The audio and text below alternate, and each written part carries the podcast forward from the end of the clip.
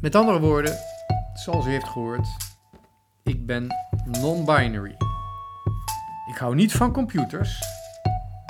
Ik heb een ontzettende hekel aan versimpelde debatten in de politiek, waar bovendien God nog ook buiten wordt gehouden. In deze podcast gaat Pater Elias op zoek naar wat echt is. Hij gaat de uitdaging aan om een zo helder mogelijk beeld te vormen van hoe de wereld in elkaar steekt. Dit is de Pater Podcast.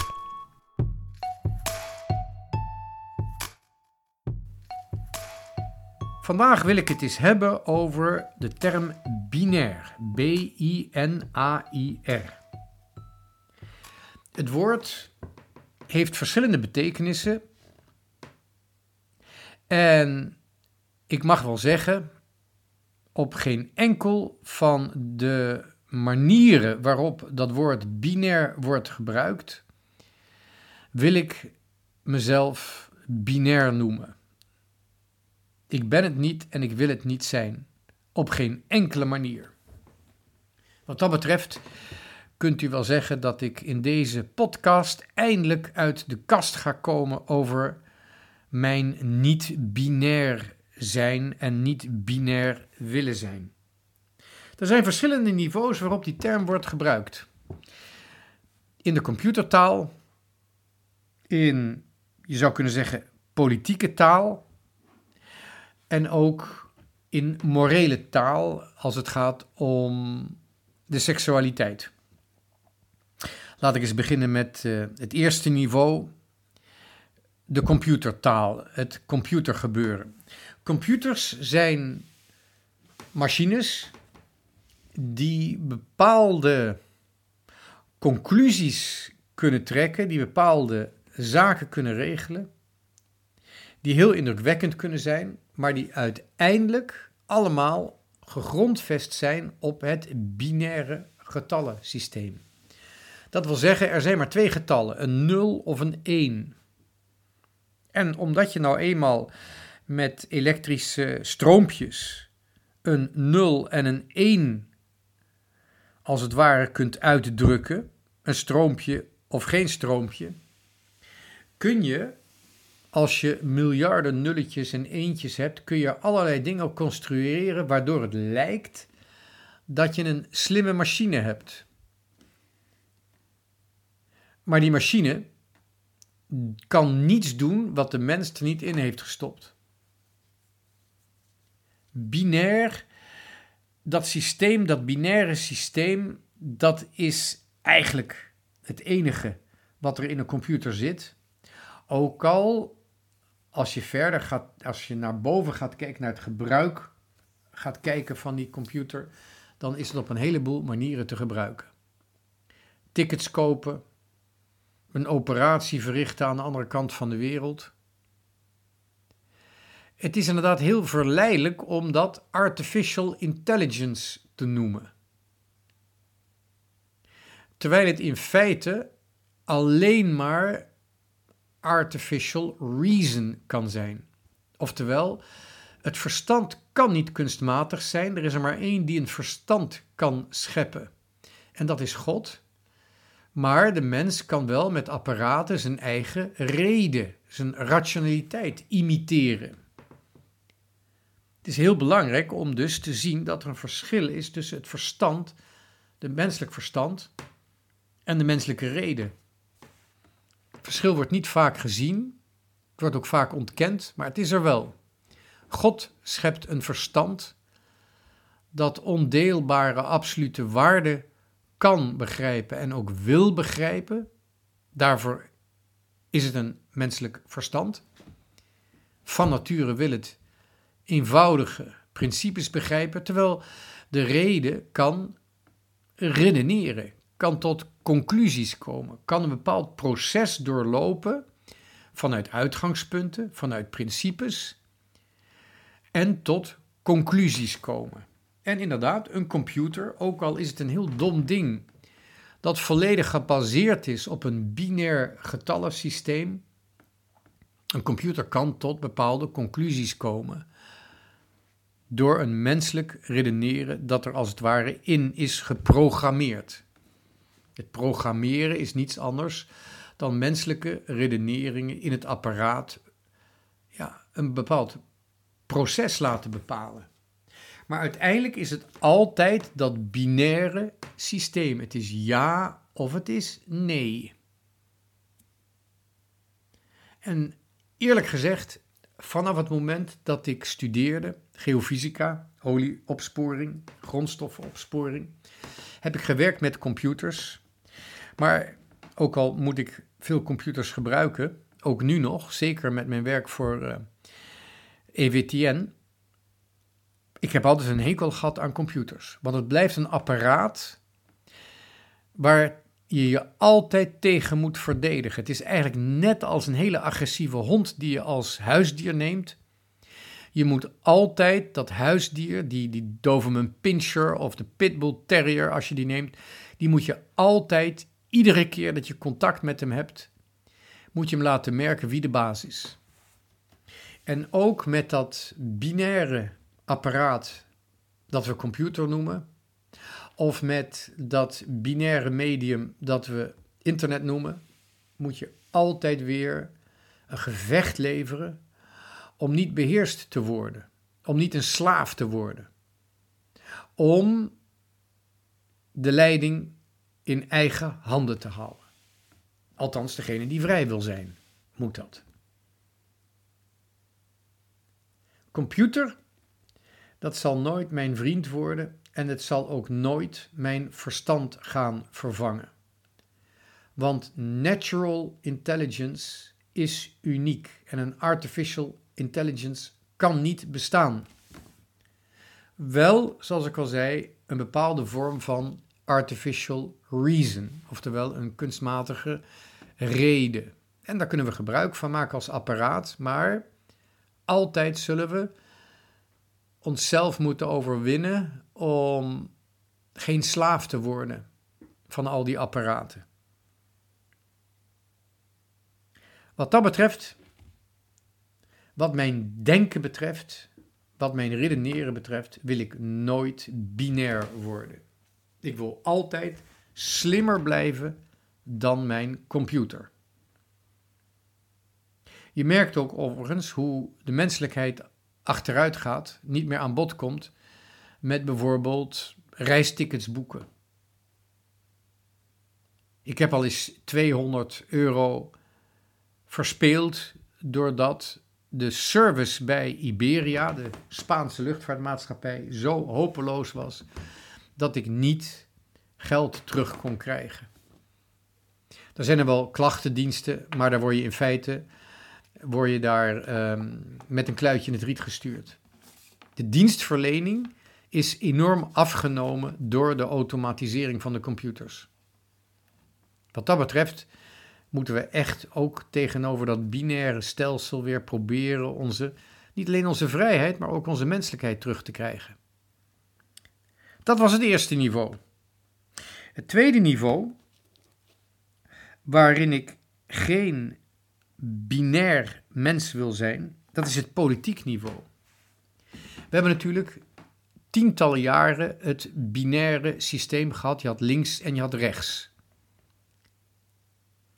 Hoewel in landen als Nederland, eigenlijk op het hele continent in Europa, dat wil zeggen Duitsland en Nederland en België, had je daar ook nog een derde pol bij, namelijk de christelijke partijen, die ook duidelijk niet links of rechts wilden zijn, maar een middenweg wilden vinden. Maar landen als Frankrijk en Engeland, waarin godsdienst geen rol mocht spelen in de politiek, werd het vaak binair, een twee-partijenstelsel. Ook al had je in Frankrijk meerdere partijen, het was toch altijd rechts, conservatief, gaullistisch aan de ene kant en links, socialistisch of communistisch aan de andere kant. Ook in Engeland gold dat. Je had aan de ene kant Labour, aan de andere kant had je conservatief. En laten we het maar niet over Amerika hebben. In Engeland had je tenminste nog een majesteitelijke koningin die daarboven stond. In Amerika is dat niet zo. Daar mogen de Amerikanen één keer per vier jaar, ik zou bijna zeggen, de afgod zelf kiezen. De afgod van het binaire systeem, het is het ene of het ander. Het is blauw of het is rood. Het is de olifant of het is de ezel. En je ziet dat eigenlijk zo'n systeem volledig onbeheersbaar wordt. Omdat de menselijke problemen niet in een binair model zijn uit te drukken. Links had wel degelijk dingen goed begrepen en rechts had wel degelijk dingen goed begrepen. En links maakte fouten en rechts maakte fouten. Politiek gesproken is dat binaire idee eigenlijk uiteindelijk verlammend. Zoals de Engelsen zeggen, two-idiot system, een twee-idioten systeem. Het verlamt de politiek, het demotiveert de mensen die in een democratie moeten stemmen. En het maakt ze ook in zekere zin hopeloos, want ze moeten dus ook kiezen tussen twee idioten. Wat dat betreft is de Nederlandse politiek misschien wat saaier, maar we hebben in ieder geval wel meer keuze. Ik zie het ook een probleem zijn in de traditionele of traditionalistische katholieke kringen. En ik reken mezelf zeker voor de mensen die traditioneel zijn die zich zorgen maken over de weg die de kerk gaat, omdat die vrij richtingloos is op het ogenblik in dat hele gebeuren rond de synodale weg. Niemand weet eigenlijk waar die synodale weg toe leidt. En een heleboel mensen die daaraan deelnemen, die daar actief in zijn en die ook die synodale weg organiseren, die willen ook eigenlijk niet dat er door het kerkvolk of door de deelnemers een richting wordt ingeslagen. Het is allemaal bureaucratisch voorbereid, net zoals het de pastoraal concilie van Noordwijkerhout. Het is allemaal voorbereid en we weten eigenlijk al wat de conclusie moet zijn. Althans, dat vinden de organisatoren. En ze zullen ongetwijfeld daarin slagen die weg in te slaan, omdat de deelname aan dat synodale proces verbijsterend laag is. Hoe dan ook, het is voor de mensen die wat afstand nemen of vraagtekens stellen bij die synodale weg, en daar reken ik mezelf toe. In dat meer traditionele kamp zie ik nu ook hoe eigenlijk dat binaire denken invloed heeft. Ik zie dat in de manier waarop veel traditionalisten, traditionalisten ineens de partij van Moskou kiezen in die oorlog in de Oekraïne.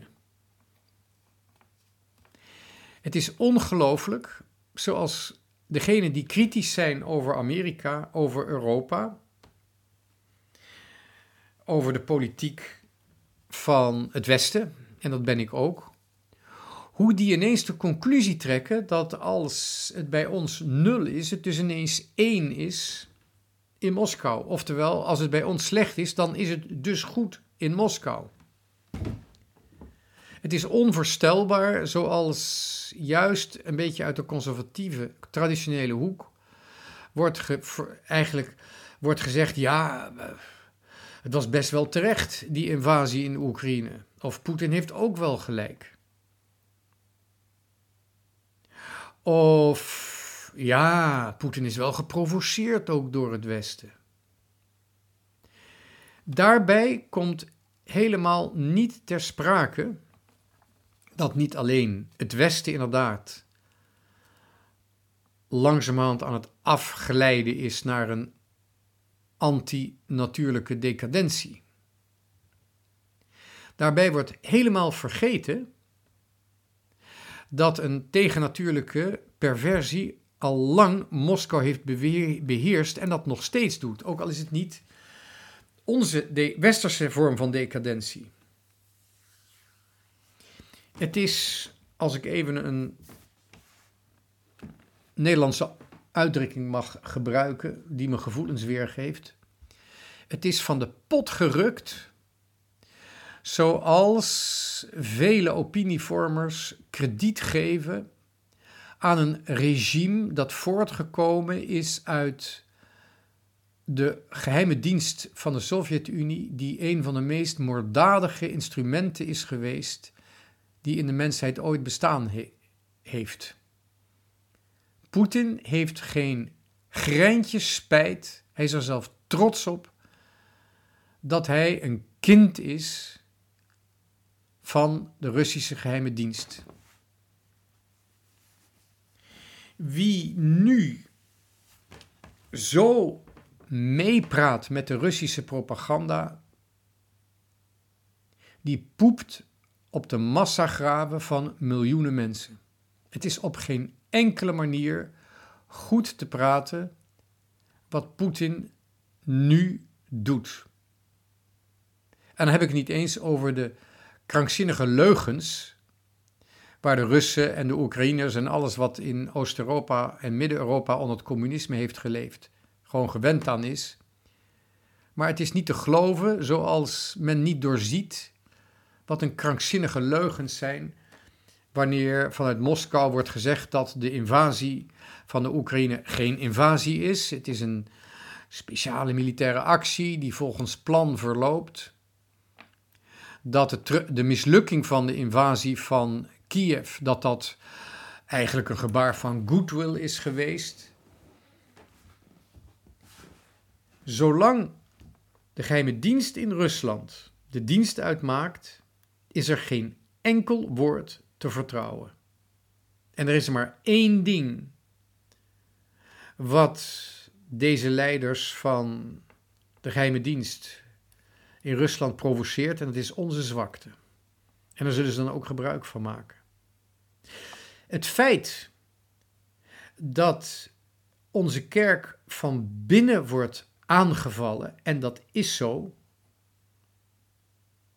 betekent niet dat we niet ook van buiten kunnen worden aangevallen. En dat is het hele probleem van dat binaire denken. Het binaire denken verdeelt de mensen direct in de goede en de slechte. Alsof het niet zo goed, alsof het niet zo kan zijn dat ook het slechte in verschillende vormen aanwezig is. Onder andere degene die van binnenuit de kerk aan het vernietigen zijn en degene die van buiten de kerk aan het vernietigen zijn. En Moskou wordt al tientallen jaren, zo niet eeuwenlang, gedreven door een fel antirationele en anti-westerse, laten we maar gewoon zeggen, anti-Romeinse en anti-katholieke geest. Dat valt niet te ontkennen. En het is ook onjuist om dat te verzwijgen. En het feit dat we op die vijandschap van het Moskous patriarchaat wijzen, wil helemaal niet zeggen dat we daarom moeten vergeten dat de kerk ook van binnenuit wordt bedreigd. Wie binair denkt, begrijpt dat niet. Wie niet binair denkt, ja, die kan zeggen inderdaad, we kunnen van twee of ook van meerdere kanten worden aangevallen. Maar één ding weten we zeker: we worden van boven gesteund. De wereld kent vier windrichtingen. Maar in geestelijke zin maakt dat helemaal niets uit. In geestelijke zin is er een onder en een boven. In geestelijke zin is er een macht die van boven komt, met lichte wapens, het licht van God, dat zowel van buiten komt als innerlijk schijnt. Ja, en er is de duisternis, die eigenlijk nergens vandaan komt en die ook geen richting heeft. Dat is uiteindelijk de strijd die we voeren. En of we nou oorlog voeren, concreet, materieel of in geestelijke zin, dat is de oorlog die we voeren. En de conflicten in deze wereld zijn in feite een, een afspiegeling van een veel dieper conflict dat gaat om de menselijke ziel. Er is een licht dat van binnenuit en van boven komt, vanuit onze ziel en vanuit de openbaring, de sacramenten.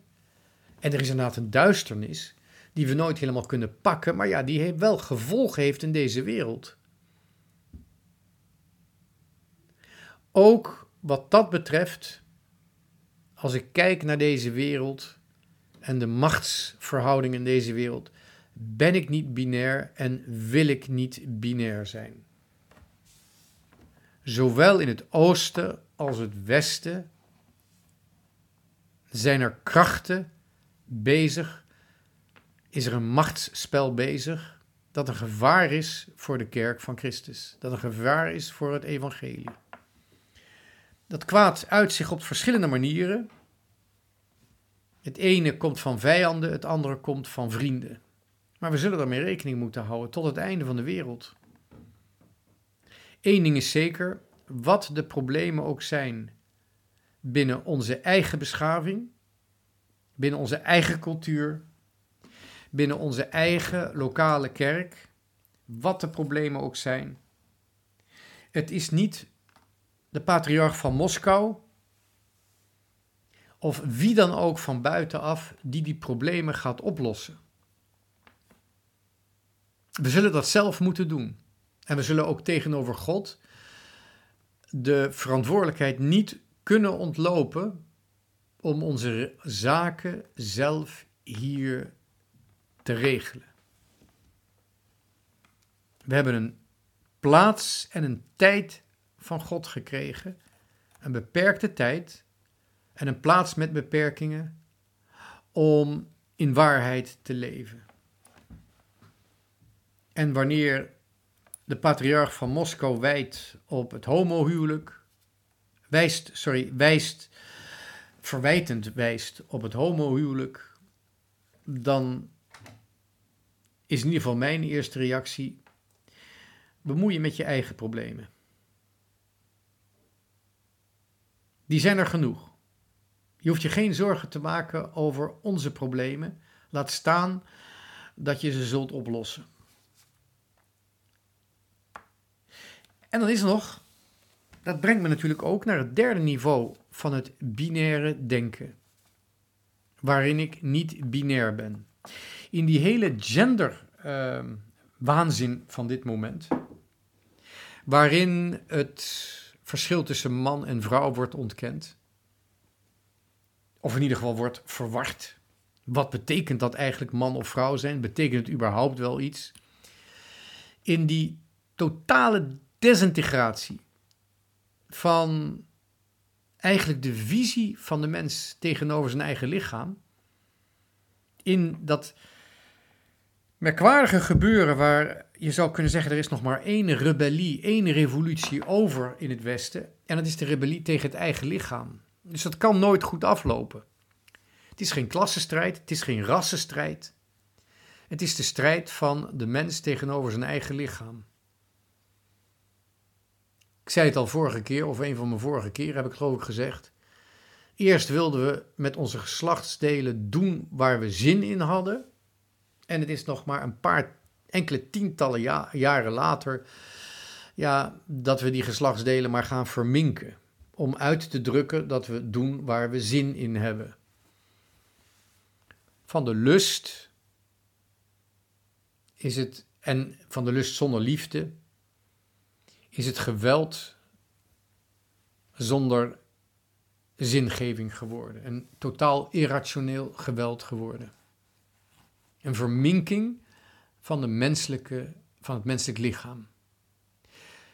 In dat kader hoor je vaak zeggen dat mensen, mensen die zeggen: I'm non-binary. Ik ben niet binair. Dat wil zeggen, in mijn visie geloof ik niet uh, in het verschil tussen man en vrouw. Je kunt een, een, kwart vrouw zijn en uh, een derde man. En wat er dan over is, is helemaal niks. Of het is iets anders. En het gekke is, uh, beste mensen, dat ik in dit kader ook niet binair ben. Wanneer het gaat over de relatie tussen man en vrouw, het verschil, de uitwisseling, de eenheid, de liefde, noem maar op. Dan zult u misschien wel denken, ja, nou goed, conservatief katholiek, met respect voor de natuur, Pater Elias zal toch wel binair zijn, hij zal toch wel geloven in het verschil tussen man en vrouw. Ah, nee, ik ben niet binair. Ik ben misschien nog wat ouderwetser dan u dacht. Ik ben ternair. Ik ben niet non-binary. Sorry, ik ben niet binary. Ik ben non-binary omdat ik trinary ben. Ik ben trinair. Ik ben niet binair, ik ben trinair. Waarom? Omdat je uiteindelijk, ook al is dat misschien vloeken in de kerk, zelfs in de kerk vandaag de dag, het verschil tussen man en vrouw kun je alleen maar begrijpen vanuit de vruchtbaarheid. Als het mannelijke lichaam en het vrouwelijke lichaam zo zijn geschapen, is dat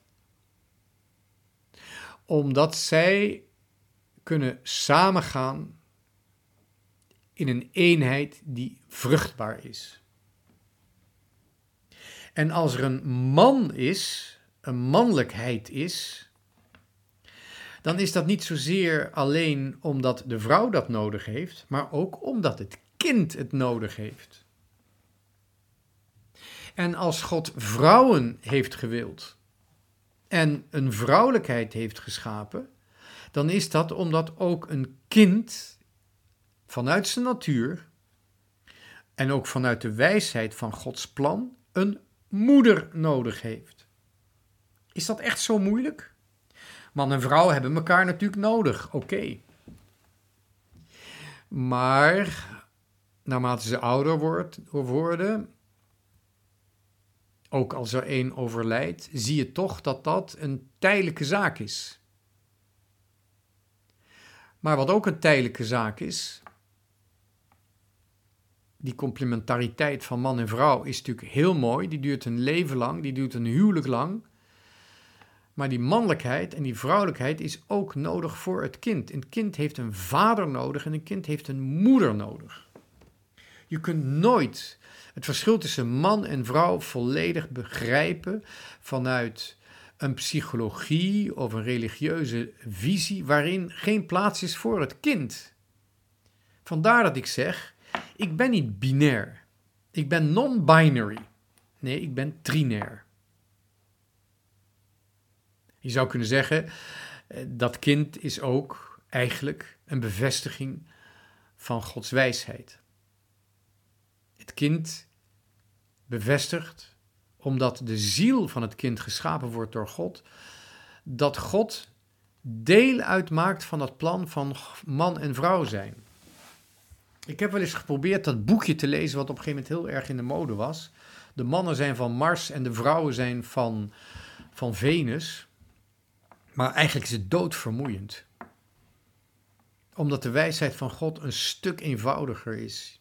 Wat je er ook uit, in de psychologie uh, over kunt vertellen, ongetwijfeld een heleboel interessants. Maar laten we het gewoon het uitgangspunt in ieder geval eenvoudig houden. Het gaat over de vruchtbaarheid. En dat geldt dus ook voor het huwelijk. Het doel van het huwelijk is kinderen krijgen. Dat is niet in eerste instantie de liefde tussen man en vrouw. Het specifieke van de liefde tussen man en vrouw is namelijk het kinderen krijgen. Het specifieke kenmerk. Want er zijn ook een heleboel andere vriendschappen, sterke vriendschappen, mooie vriendschappen, die niet specifiek dat kenmerk van de vruchtbaarheid hebben. Dus wanneer je het huwelijk wil onderscheiden van andere vriendschappen, die ook zelfgave kunnen vragen en ook als ideaal trouw hebben om het huwelijk te onderscheiden van andere vriendschappen, moet je dus zeggen, inderdaad, het huwelijk is ondergeschikt aan de vruchtbaarheid.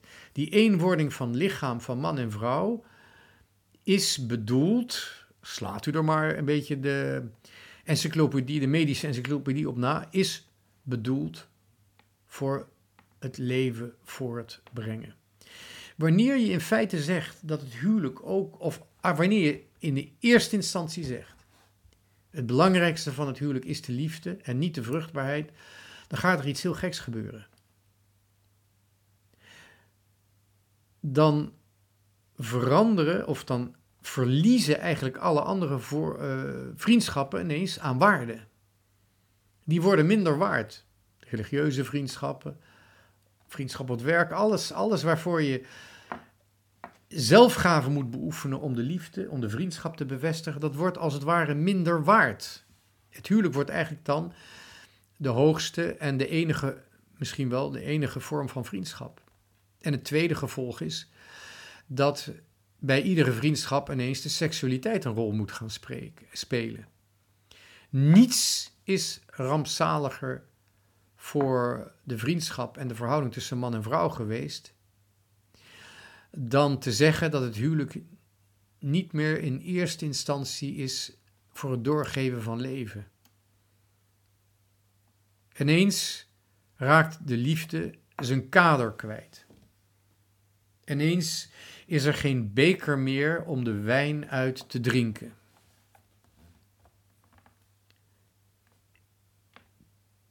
Met andere woorden, zoals u heeft gehoord, ik ben non-binary. Ik hou niet van computers. Ik heb een ontzettende hekel aan versimpelde debatten in de politiek. Waar bovendien God nog ook buiten wordt gehouden. En ook in mijn bewondering en mijn respect voor de relatie tussen man en vrouw ben ik niet binair. Ik ben trinair. Want zowel God als het kind zijn een wezenlijk, essentieel, natuurlijk element van het man of vrouw zijn. Man en vrouw zijn gaat over de vruchtbaarheid. Bedankt voor het luisteren. Tot de volgende keer.